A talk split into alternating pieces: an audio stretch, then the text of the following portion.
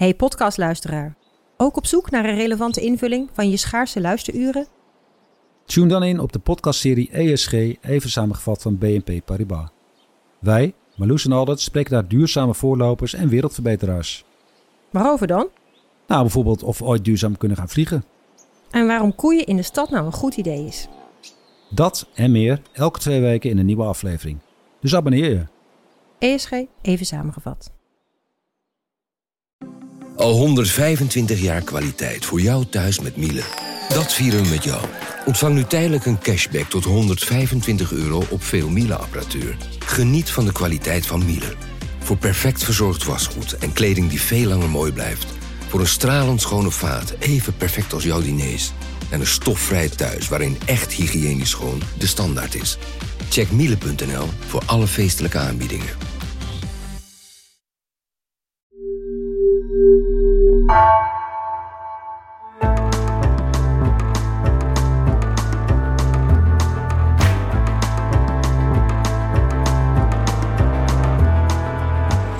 Dit uur praat ik met een van de beroemdste politieke denkers op aarde, Francis Fukuyama.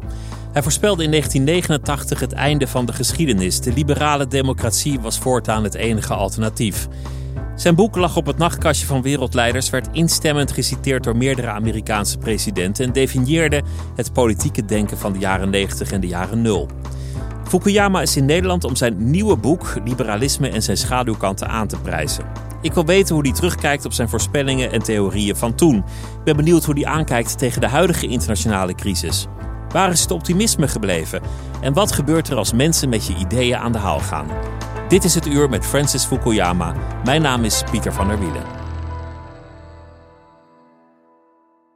Mr. Fukuyama, welcome. Nice to have you here. Thank you for Thank you very much for, for having me. over. I just uh, read an introduction in Dutch, and of course I started about the end of history. How's that for you to always be Mr. End of History? It's, it's kind of like the story of your life by now. Well, it's a little bit frustrating because uh, very few people that um, talk about that have actually read the book or really understand what uh, what I was saying. But I've many years given up on trying to correct everyone. So, so, so kind of this this prediction or this slogan is leading its own life and it has nothing to do with the book anymore and with what you actually said back in 92 well it never it the misinterpretation never had anything to do with the uh, uh, the book itself uh, I think that uh, it's a little bit frustrating you know if I post pictures of my grandchildren on Instagram I get these comments well it must be the end of grandchildren you know uh, stupid things like this but I, you know I can't do anything about it so you just let it be mm. well, well it might be a bit complex to actually go through all that you said in the mm -hmm. book because it's a very big book and it's it's been been a while. But what was the end of history? What did you try and say? Because it's a vision on history and the direction of it. What what was the prediction that you were trying to make? Well, first of all, I wasn't trying to make a prediction at all. Uh, the end of history phrase uh, came from the German philosopher uh, Hegel. Uh, and he was really the first historicist philosopher in that he believed that human consciousness developed over time uh, and that uh, there was progress in human history. And I think these are things that many people believe uh, today. The end of history was really uh, not a termination, but really the direction in which progress was going. And it was a concept that was picked up by Karl Marx, who also believed in the end of history. And in his view, the end of history would be communism, that societies would evolve through feudalism and capitalism, but then end up at communism. And so, communism. so it's actually like saying that history has a direction. History That's is right. going somewhere. That's right. You can look at history like it's it's a, lot of coincidences, mm -hmm. like it's chaos, and we might try and see something in it. But you can also look at history as a pro progress? Well, I think that most people don't think about it, but they implicitly have a view of history as progress. That they say, you know, you want to get on the right side of history with regard to, let's say, attitudes towards women or towards immigrants. You know, that there's a, a progressive understanding of how we regard other human beings that's changed over time. And, you know, my simple observation was that we weren't going to get to the Marxist end of history, uh, but to the extent we seem going anywhere, uh, it was towards liberal democracy linked to a market economy. Uh, and that was really the idea that I put forward in 1989. And I think that in many respects it's still correct because, you know, the, the debate I was trying to stimulate was is there another stage of history that's higher than the one that we're at now? That was we're, the, we're coming from some place, we're going somewhere, Mm-hmm. and, and is there progress? And Marx said it will be Marxism. Mm-hmm. And, and here you said in the, in the late 80s, early 90s, it's going to be liberal democracy. That's it's going to be liberal democracy. Or I even had a, a weaker form of that, which is that I didn't see an alternative uh, that was out there. I don't think that we're progressing towards Islamic, you know, theocracy. Uh, I don't think the Chinese form of government is a higher form that everybody is going to emulate, although I think that's probably the most plausible alternative right now. Uh, and so that's really what the end of history was about is where is progress going? And Well, why don't you believe that th- there are alternatives? Why do you think that this is the system that will prevail? Well, I think uh, you have to look around the world and ask yourself, you know, what are the real, realistic alternatives out there? And, you know, that's the debate that I've been in for the last 30 years uh, because there are alternative ways of organizing societies, but, you know, I think that very few of them can make a claim to be more sustainable or make people happier or, you know, be more economically successful. Uh, I never said that this couldn't happen. But the question is, you know, looking realistically around the world, where do you see this higher form of society? And that's what I, you know, find missing. Because this is the system that will allow most people to live a fulfilling life. That's why this is the system that has the best chance of eventually prevailing. Well, uh, you know, the it's the argument I, I've been making in my book on liberalism that in a liberal society you've got several powerful arguments in favor of it. You know, one is a practical one that it's a way of uh, mediating conflict in diverse societies. There's a moral argument that freedom uh, and autonomy are basic to human dignity and you know you need to respect that and there's an economic argument that says that this kind of society uh, leads to the greatest amount of prosperity and i think between those three arguments you know it's a pretty powerful set of reasons for preferring a liberal society there are obviously alternatives that you know are lacking in one or the other of those dimensions but uh, i think liberalism you know encompasses all of those Do you do you still believe that? Is that optimism still there? Well, it it's a it depends on the historical framework that you're choosing. So clearly, over the last you know eight to ten years, things have been bad. There's been a lot of setbacks, a lot of new democracies that we thought were going to emerge as free countries, like uh, Burma, Myanmar, Tunisia. You know, we've seen big setbacks uh, in places like that, and uh, you know, the consolidation of some big authoritarian states like Russia and China. But I think that you have to look at history in a broader sense because it's never been linear, you know, in the sense that every every year brings progress. And That's, that's not what you said in the book because already then in 92 did Mm-hmm. you say, okay, it's not going to be one line upwards or That's one right. line towards it. There will be setbacks, there will be all kinds of movements. But at the end of it, there will be that there'll end be of progress. history. There'll yeah. be progress. And actually, certainly, if you look at the world's material progress since I wrote that book over the last 30 years, there have been some remarkable achievements so that the rate of global poverty has fallen, you know, tremendously. Uh, the rate of uh, under five mortality, you know, in poor countries has dropped uh, tremendously. So in terms of, you know, health and basic well-being, even uh, for the poorest, you know, the bottom 20% of humanity, there's been a lot of progress in those, just in those years since the book was written. And so I think this idea that, uh, you know, history is just a random process that can go in any direction uh, is not right. It can obviously go backwards, you know, and we are seeing a regression in democratic institutions in many countries. But I think overall there is a pattern, and I think the proof of that is that every year, you know, tens or hundreds or sometimes millions of people try to flee from poor, corrupt, badly governed, chaotic war torn countries, and they, you know, they don't go to China, they don't go to Russia, they do go to Europe and the United States and other liberal democracies where, you know, they believe that their children will have better opportunities in the countries that they came from, and that's, you know, in a way, that's encapsulates the idea of history, uh, is moving from I don't know. Guatemala or Myanmar to you know a modern democratic stable well well governed society still, you said it's it's a time frame in which you look at history. If you look at this moment in history, mm -hmm. uh, if you just read the papers, just look at the news, there there'll be little reason for optimism.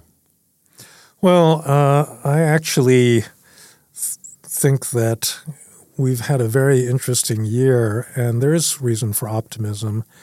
Uh, I think the Ukraine war was certainly a terrible development and, you know, in a way, it showed the true colors of a authoritarian dictatorship like that of Russia, the kinds of terrible uh, evils that it could inflict, you know, on its own population, but on other populations as well.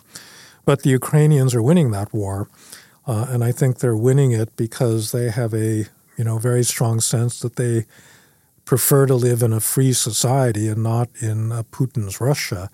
And so you think Putin is going to lose?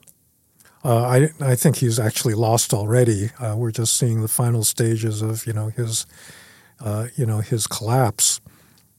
But this could be a very bloody collapse. He he could you know go nuclear, for instance. Well, uh, I think that nobody should be complacent about that possibility because it is uh, an option that he does have. The the the thing is that it makes no sense from his standpoint to actually escalate nuclear weapons.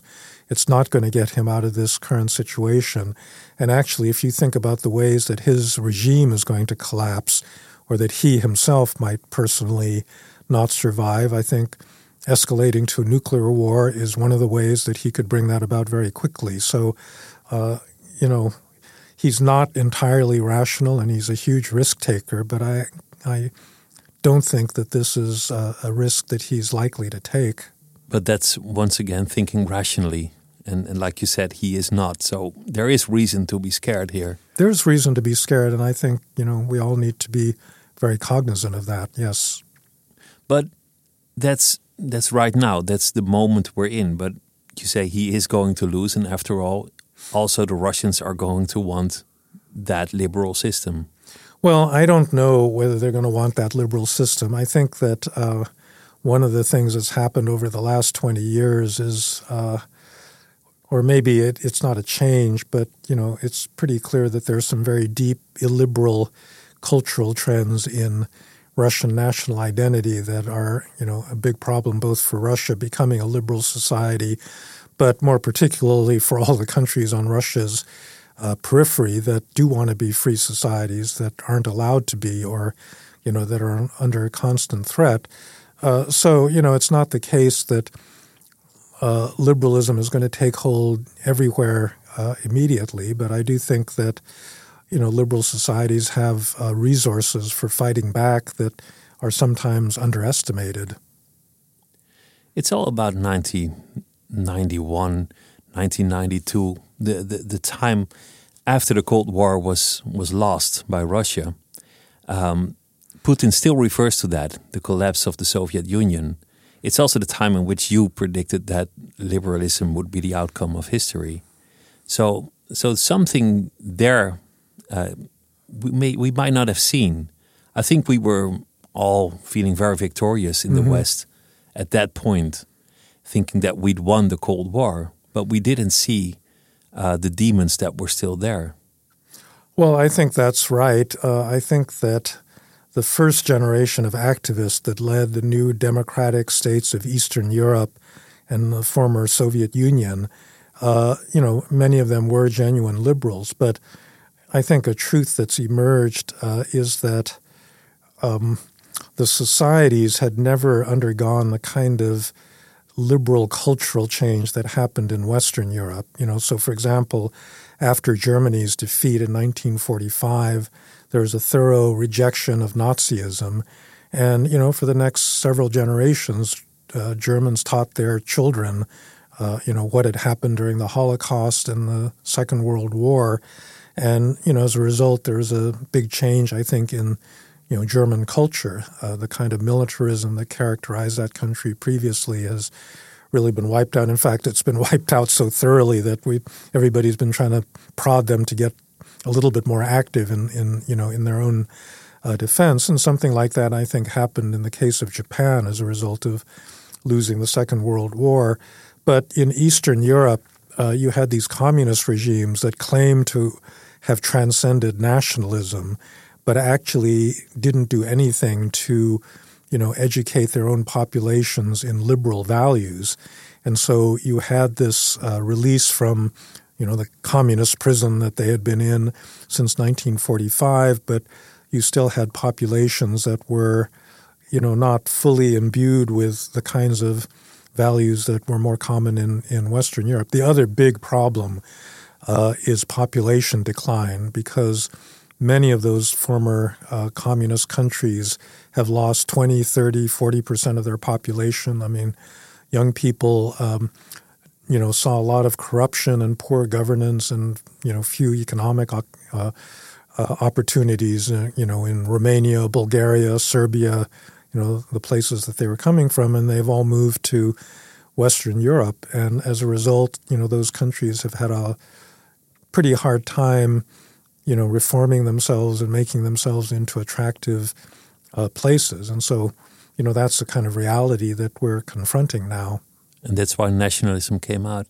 Let's go back to, to the years after the, the the big book was published, The End of History, 1992, the 90s most world leaders, most American presidents read it, had kept it on their bedside, uh, used it to um, defend their policies. How, how, did you experience that? Was was that good for you, or uh, well, first did you of distrust all, that? I think you're being a little bit too generous. I don't think any president actually read the book. well, they all uh, said they, they read the book. Well, they all they all yeah. quoted from it.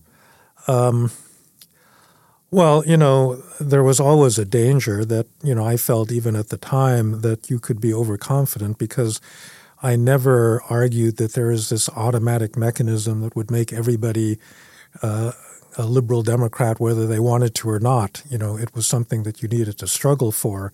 And actually, in the final chapters of my book, I talked about the, uh, you know, this idea of this Greek word thumos. This is the part of the human personality that claims dignity and recognition and demands uh, oftentimes superior recognition to other. Thumos is, is wanting to be seen, to be recognized. Yes. It's, it's the, the human wish to be accepted by others. That's right. And it can take the form of just wanting to be treated as an equal, or someone with equal dignity, but it can also take the form of wanting superior dignity to other people. I mean, the nationalism you know, the 20th century was of that sort, that one nation would place itself uh, over others. And uh, I said that, you know, this is something that hadn't been eliminated from the human psyche, that it was still there, and it, you know, it would continue to pose a threat to this liberal order where people wouldn't be satisfied just with the peace and prosperity that a liberal, democratic, you know, uh, prosperous order uh, social order uh, provided. It, it was also kind of used to bring legitimation to the uh, invasion of Iraq, for instance. Neoconservatives used your book as an argument. They said we are we're on the right side of history. We can do what we want in other countries.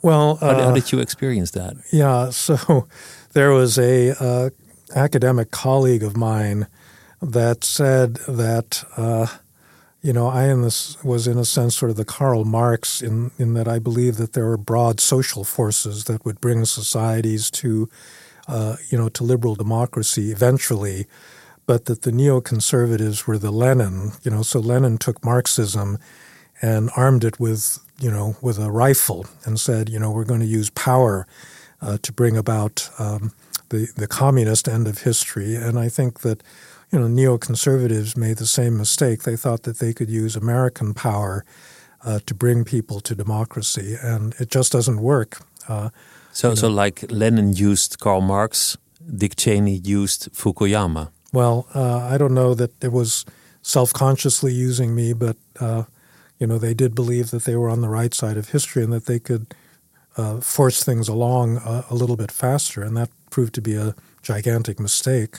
What happened? What happened to you personally when you turned against the war in Iraq and turned against the neoconservative movement? Well, I lost a number of friends uh, over that. You know, my feeling was that at that point in my career, I was old enough that I could do that and it would be fine. You know, I think that when you're younger, you depend on the uh, approbation of your fellows, uh, and that's why people tend to be very conformist. But at a certain point, you say, "Well, what the hell? You know, I don't care what they think of me." and I was well at that point, you know, at, at you know, at the time of the uh, Iraq War. Uh, so, you know, I made new friends. You lost friends, but you didn't care because for you, the the truth was more important, or or being truthful to your own intelligence or intellectual beliefs. Yeah, well, sometimes you know you have to admit you're wrong or that facts you know have changed, and uh, the other really big turning point in that decade was the financial crisis in 2008, where I think a lot of uh, American conservative economic ideas were proven to be wrong. You know, this idea that you could deregulate uh, financial markets and everybody would be better off and wealthier as a result, you know, came crashing down. Uh, and that also in, evol- uh, required, you know, uh, rethinking a lot of things that I had believed about, you know, the workings of market economies. About liberalism. You you also moved from Washington to California, I believe. That's around right. that same time. Uh, yeah, I moved in 2010 uh, to uh, go to Stanford University, uh, but I was ready for that. I had lived in Washington for uh, almost two decades, and you know I was ready for a change a change of social circle also, a change of, of friends. Well, yeah. Uh, in many ways, I find living in Silicon Valley um, even more frustrating than living in Washington because there is a kind of uh, high tech mentality that's at the same time, you know, these people are very smart, but they're also very ignorant, and they tend to be, you know, fairly ignorant of history. Uh, a lot of them were kind of born yesterday or believe that the world can be remade by technology at any given moment. And uh, getting through to them that that you know it doesn't work that way is sometimes difficult. And I think we've seen a real sea change in people's attitudes towards technology. That uh, it, it's gone from being seen as a you know a good thing and, and something that would help democracy and help ordinary people uh, to a sense now that it's much more threatening uh, and that it's actually undermining the possibility for democracy and you know in the United States, in Europe, and other parts of the world. It's actually a threat to democracy. We used to think that free market and democracy would always go hand in hand. They don't. You can have well, a free market without democracy. Uh, yes, you can, and I think that actually the success of liberal democracy has depended on you know the the dominance of social democracy in, in a certain sense that uh, if you don't worry about substantive equality in a liberal society, then you're going to get more and more unequal, and the, you know the support for that system is going to disappear. Its legitimacy is going to be questioned by the people that you know don't do so well economically, and that's the reason why I think all successful liberal democracies have had to do a fair amount of redistribution and you know, provide uh, services and a welfare state to make sure that inequality didn't get out of hand. And I think that was the basic mistake that a lot of neoliberals made, uh, you know, beginning in the 1980s, where they thought they could do away with those social protections and cut back that state. And, uh, you know, the result was both instability and a lot of inequality. That was the vision that the invisible hand of the economy would solve all problems by itself. Well, yeah, it, uh, you know, that invisible hand metaphor was um, originally uh, articulated by Adam Smith.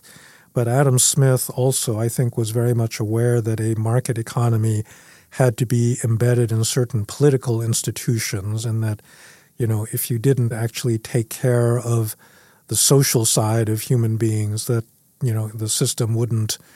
Uh, it might produce wealth, but it wouldn't necessarily be stable or uh, productive. And I think a lot of people forgot that, uh, you know, back in the heyday of that kind of market economics. Now we're talking about neoliberal. We, we're talking about liberal, liberal democracy. If you if you say you're a liberal here in the Netherlands, it's probably something a bit on the right mm-hmm. right wing side. In the United States, it would be rather progressive. Right. So liberalism has many forms and can have many meanings. It might be good to articulate what you mean by liberalism. Uh, sure. So, what you said is correct that uh, usually liberals are seen as being pro free market. Therefore, you know, they want a smaller state or more, you know, more freedom. Um, but in my view, uh, the economic definition of liberalism is, you know, not as important as the uh, fact that a true liberal society puts limits on the power of the state through a rule of law. Uh, you know that that the executive uh, in a liberal society can't uh, do anything against the rights of individuals. Uh, and they're protected by a system of, of law, by constitutional uh, checks and balances. And within that framework, you can do more uh, uh, redistribution the way Scandinavian countries do, or you can do relatively less. But if you do protect that basic core set of uh, human rights, then you know I regard you as a liberal society. And so I think focusing on the economic side of, of liberalism you know, it's important because that's that's fundamentally what makes liberal societies prosperous. But I think it's actually protecting the whole human being and the dignity of the whole human being that, for me, is the essence of uh, of liberalism. The individual is protected by the institutions of the liberal democracy. That's right, and we also believe that.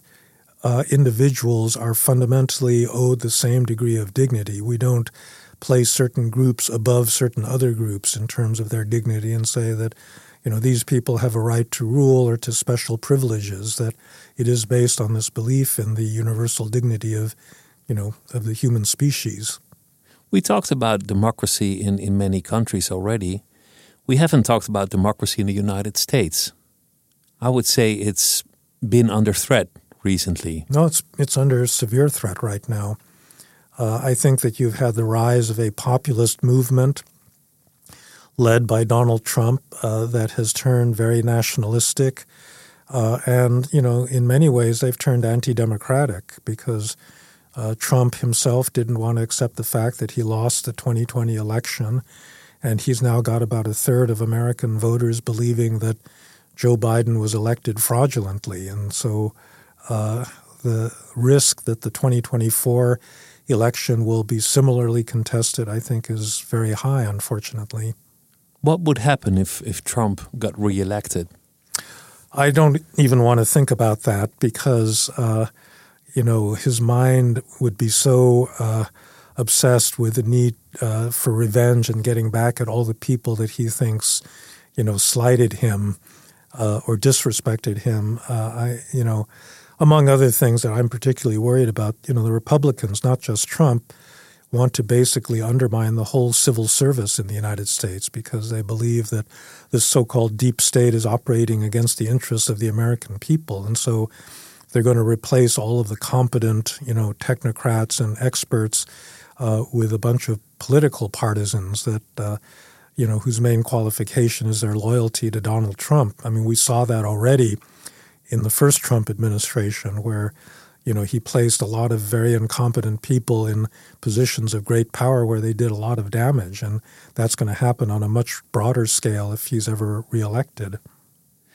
You you can only imagine what would have happened if if Trump had still been there while Putin did his invasion of Ukraine.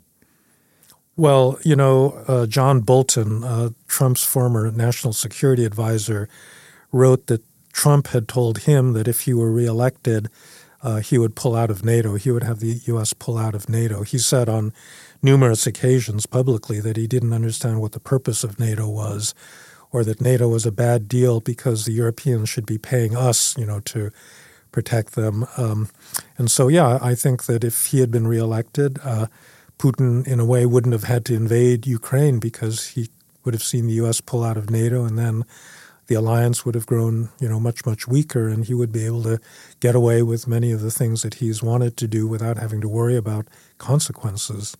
You used the, the Greek word thumos, meaning it's it's the, the will to be regarded as a full individual, to be accepted, recognized, uh, and that would lead to a liberal system. But somehow people vote for people like Donald Trump. They vote for populist right wing movements that have very other goals. Well, I'm not sure that thumos is not actually an important part of this populist movement. Uh, I think that both uh, in the United States and in Europe, there are a lot of you know working class people. A lot of times, you know, not the best educated, not the elites that are running the society, that feel that they are looked down upon. And in fact, if you look at the sociology of who votes for populist parties as opposed to more liberal parties, uh, almost everywhere, it's not people that live in big cities that are cosmopolitan, you know, with highly educated populations. It's people that live, you know, in more rural areas and second and third tier towns and villages. And a lot of those people feel that um, there is a global elite that really despises them because they have more traditional values, that they don't, you know, accept the kind of liberal orthodoxies that reign in, you know, in big cities. And that actually has powered the votes for Putin, for Erdogan, for Orban, for Donald Trump, you know, for the Brexit vote in Britain. It's all the people that feel left out by the that feel left elites. out, and and I think that that's why Thumos is still important because you know a lot of those people are not necessarily doing terribly economically. They're not all unemployed factory workers necessarily, but they do feel culturally disrespected. You know that there is an elite that dominates in the media, that dominates the political part, mainstream political parties, dominates in the universities that really look down on them. And I think, you know, it's that resentment that uh, has driven a lot of populist politics. Is that a failing of the, the liberal system? Well, it's not a, I'm not sure it's a systemic failing as much as a, a consequence of our evolving you know, society, uh, that we have now created a society in which there's a meritocracy that largely depends on education. And so you have these stratifications in that society where people that end up at the top of it, that, you know, have the big opportunities, don't necessarily perceive what the world looks like from the perspective of people that aren't in their social class. Uh, in the United States, this is probably a little less true in Europe, but in the United States, we've sorted ourselves geographically. So I happen to live in a, a zip code, uh, you know, Palo Alto, California, that's one of the wealthiest in the country. And it's very hard to find a single person in my town that voted for Donald Trump, uh, you know, because everybody is solidly, uh, you know, in the Democratic camp, and most of them are actually a lot more progressive than you know than I am. They, they um, talk about flyover countries in the they United talk about States. flyover countries, and you know even if you go just 50 miles outside of San Francisco uh, into a more rural agricultural part of the state, uh, you find that there's nothing but Trump voters, uh, and so there is this social divide that's you know that's appeared that I think is driving a lot of our politics. The people that were forgotten by the the liberal rulers. That's right. But that's not a, a critique on liberalism as such. It's just a failing of leaders. Well, it's not just leaders. I mean, it's it's also the byproduct of the way we've evolved socially, where you know we live in a in a knowledge economy. So one of the consequences, I, I wrote a book about this called "The Great Disruption" back in at the end of the 1990s, where you know moving out of a uh, an industrial society into one based on knowledge propelled millions and millions of women into the workplace. So, among the social resentments that is fueling populism is the fact that women have displaced men in many workplaces in the you know, advanced world because women are actually better, uh, you know, at a job where you sit at a desk and stare at a computer screen. Um, you know, they, they're easier to socialize and they're more reliable and self disciplined. Uh, they don't take the kind of risks that especially a lot of young men take. And as a result, they've pushed a lot of men out of, uh, out of their former positions. And within families, you know, oftentimes they're the ones that are the main bread breadwinners. And so I think a lot of this populist backlash is also gender, you know, related to gender and the fact that many men feel that their older self conception of themselves as the chief provider in the family has been undermined. And again, that's not anyone's fault. That's just the way that, you know, our the, the technological society that we're living in has produced these results, but they're very, very socially disruptive. It, it's once again thumos. It's the, the, the wish to be seen, to be accepted, to be respected, That's all those right. things. Imagine there would be like an, an end of history era. Then that would mean, mean that people would be happy, sitting back, relaxed, quiet, would be peaceful. Well, You can ask the question if people are capable of peace.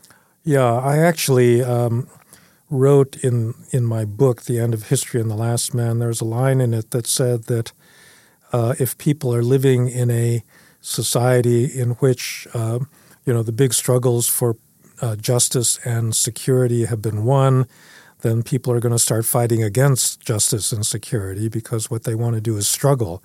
They know, have a need to struggle. and I think a lot of human self respect comes out of that desire for justice and for higher things. And so, if you do live in a society that produces peace and prosperity but no struggle, people aren't going to like that.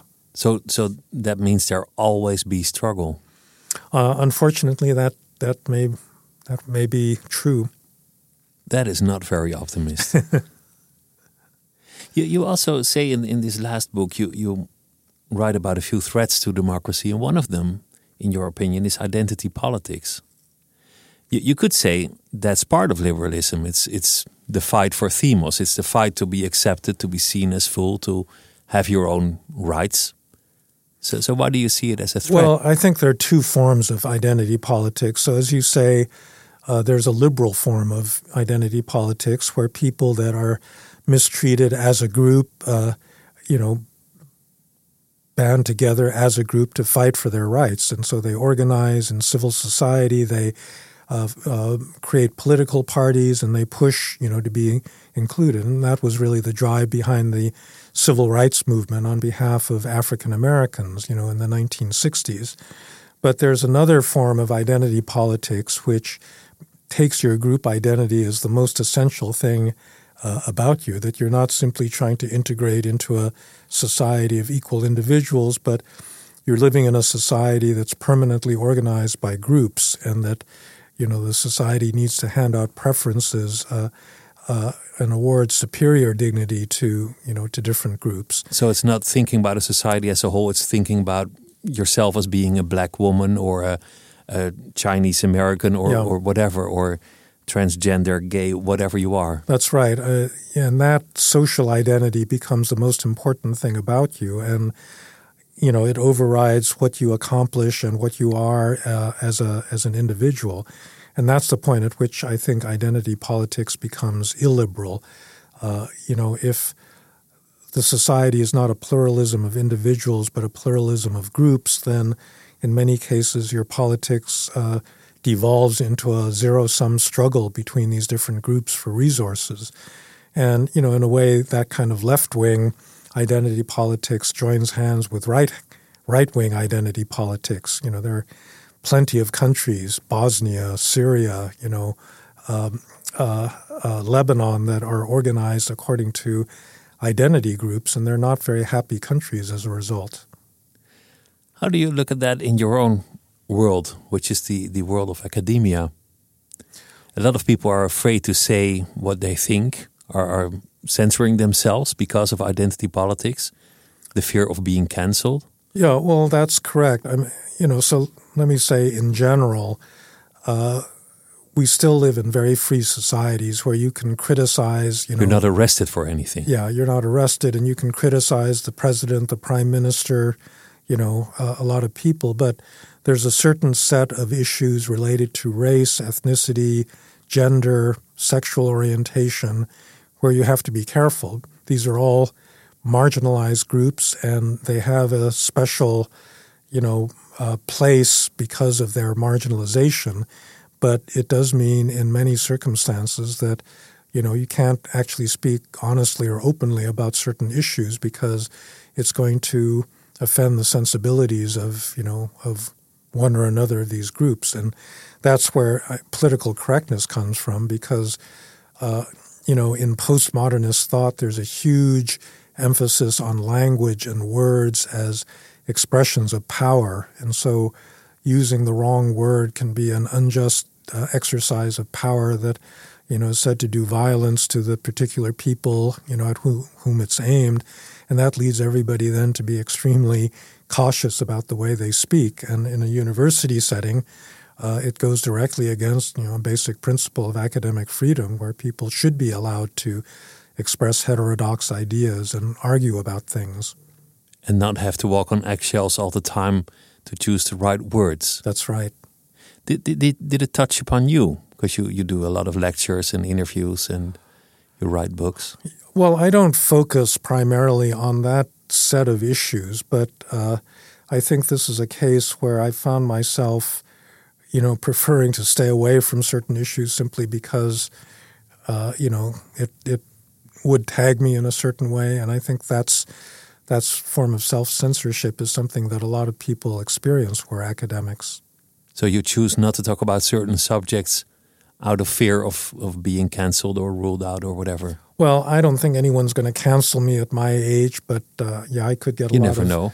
students camping out on my doorstep, you know, unhappy with me if uh, you know if I don't say the right things. You yourself could be seen as Asian American because you, cause you are of, of Japanese descent. You hardly ever talk about that. Uh, no. Um, you know, the preferences on this kind of issue changed. When I was growing up, I was born in 1952, and in my early years, you know, I think that most uh, immigrant families wanted their children to assimilate or integrate into the broader American society.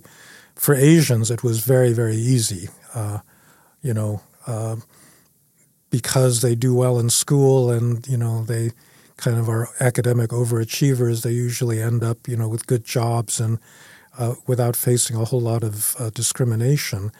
Uh, I think that you know in the 1960s and 70s there was a much greater emphasis on you know what makes you different and actually my children who are now all adults but you know they tell me that as they were growing up the idea that you'd want to blend into a kind of broad american identity simply wasn't popular. That wasn't a cool thing to do. You wanted to be seen as a member of not a mainstream group but a group that you know potentially was marginalized.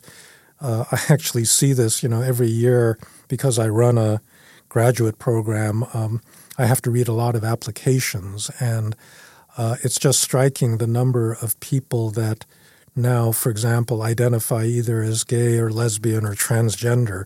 I mean, that number has just gone up, you know, with every succeed, successive year. And so I, you have to be part of a group and not say just, you know, I'm an, an yeah, American. I mean, it's cool. It's it's regarded by I think people in that age group as cool to be in one of these groups that you know has suffered historic marginalization. Uh, the last thing you want to do is say, "Well, I'm a kind of white male, you know, American guy that you know, middle aged, uh, whatever." Yeah.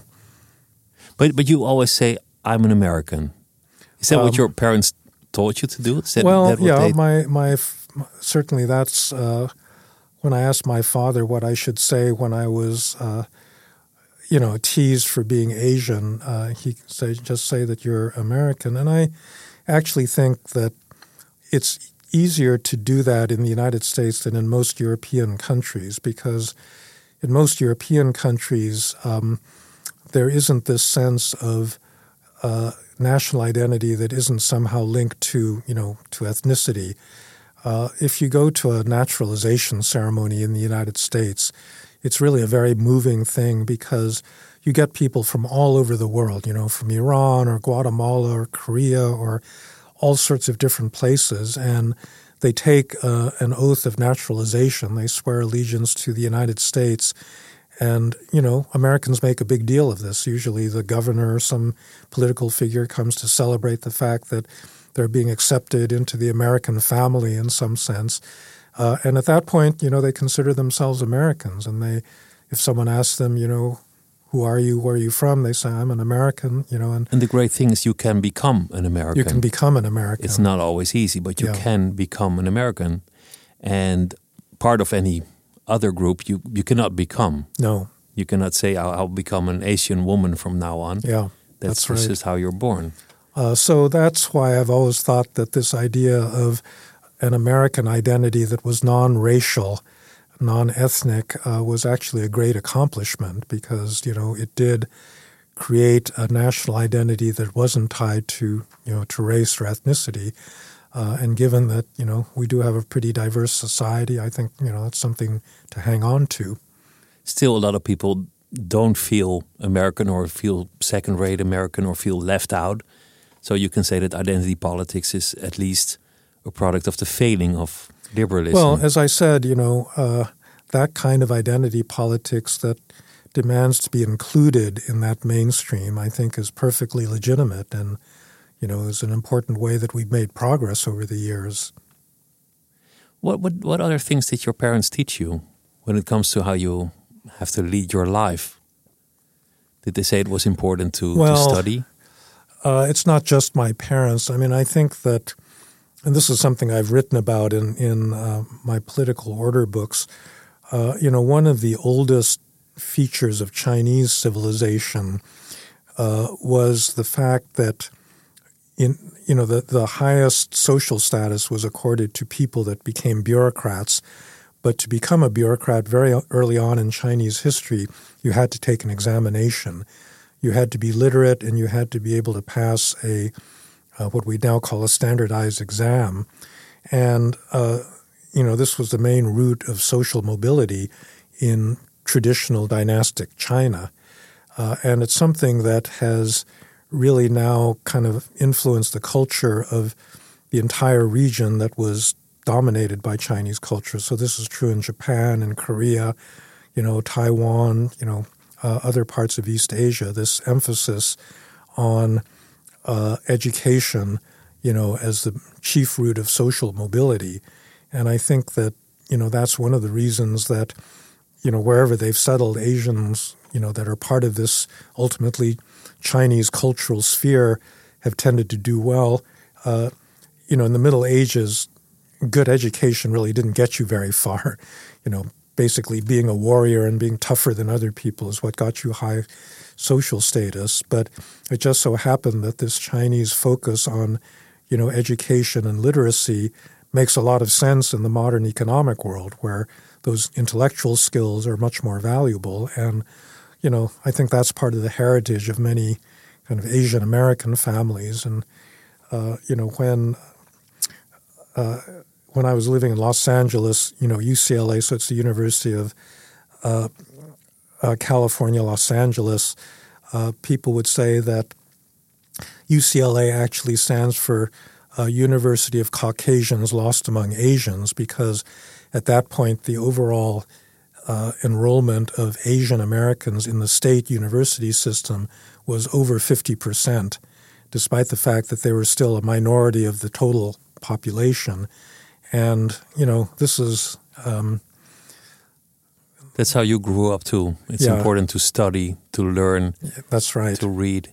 When do you feel fulfillment in your in your life? What what brings you happiness? Uh, I probably shouldn't admit this, but I like to make things, and when I can actually make something that's kind of complicated and get it to work properly. You mean technical things? Yeah, yeah. Uh, so it's it's not the reading and the writing and the books and the lectures. Yeah, I mean, I make a lot of furniture, and so actually figuring out how to do that properly and making something useful is very satisfying. But, you know, sort of writing a computer program or getting, I, the, I've lately picked up drone flying again as a, as a big hobby. And, you know, getting these things to work properly can be extremely satisfying. You also write about it, about the, the sense of a fulfilling life mm-hmm. for someone we have a tendency to see everything as personal choice and thereby equal. Any way you choose to live your life, that's your life, that's okay. But you can say that one life is a better life than the other one. Do you believe there is something as a, as a good life?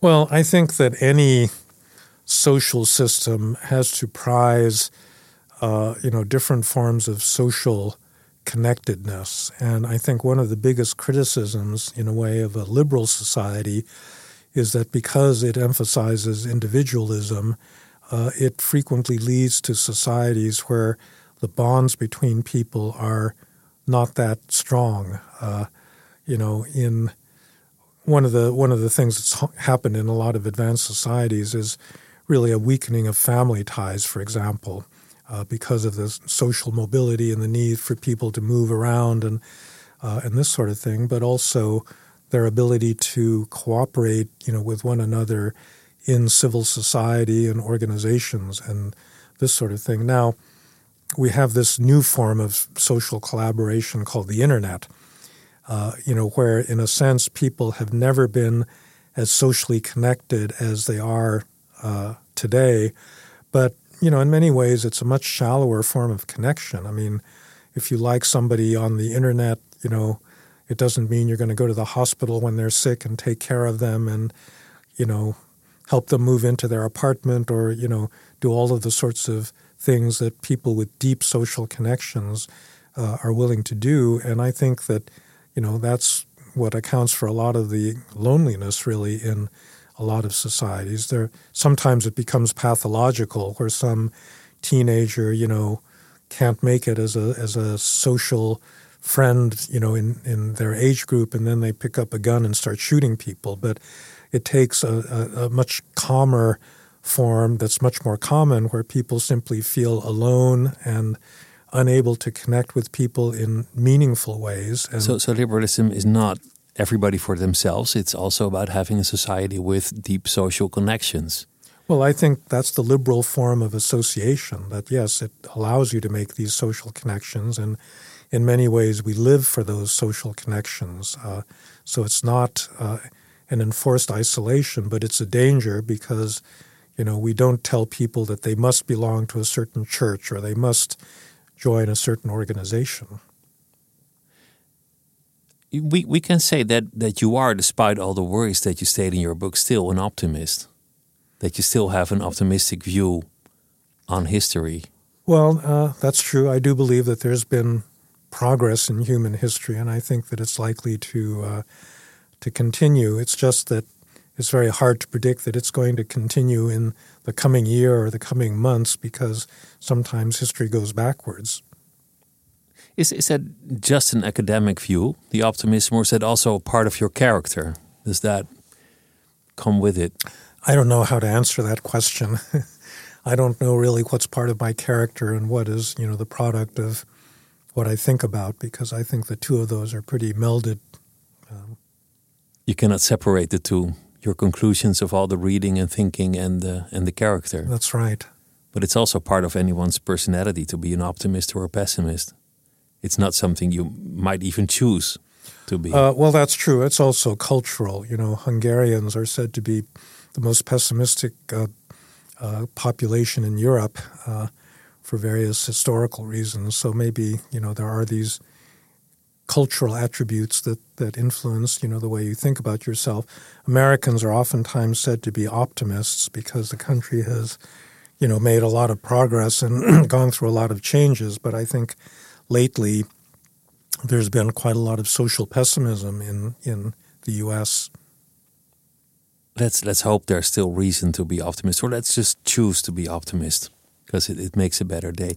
Thank you so much for being here, and I um, wish you all the best, Mr. Fukuyama. Thank, you. Thank you. you very much for having me. Het Uur is een podcast van NRC, wordt gemaakt door Elze van Driel, Anouk van Kampen en Mira Zeehandelaar. Chef van de audioredactie is Anne Moraal en mijn naam is Pieter van der Wielen. Tot volgende week.